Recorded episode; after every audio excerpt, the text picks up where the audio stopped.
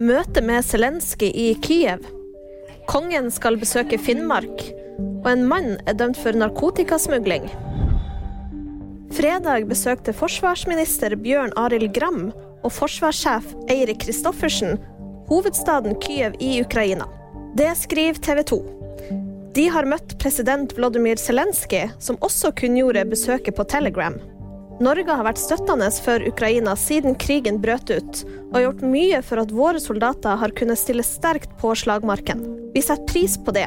Det skriver Zelenskyj. Regjeringen opplyser i en pressemelding at Norge vil donere luftvern til Ukraina. På mandag vil kong Harald besøke garnison i Sør-Varanger og Jarfjord grensestasjon.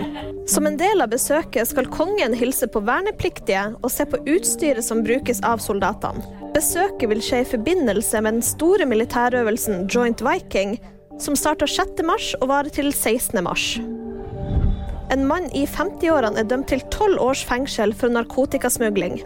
Mannen er fra Litauen og er dømt til tolv års fengsel for å smugle store mengder kokain og hasj inn til Norge. Smuglingen skjedde over grenseovergangen i Eidskog kommune. Det melder NRK. Han skal ha hatt med seg 12 kilo kokain og 58 kilo hasj. Mannen skal ikke ha erkjent straffskyld. Og det var VG-nyheter, og de fikk du av meg, Live Auskar.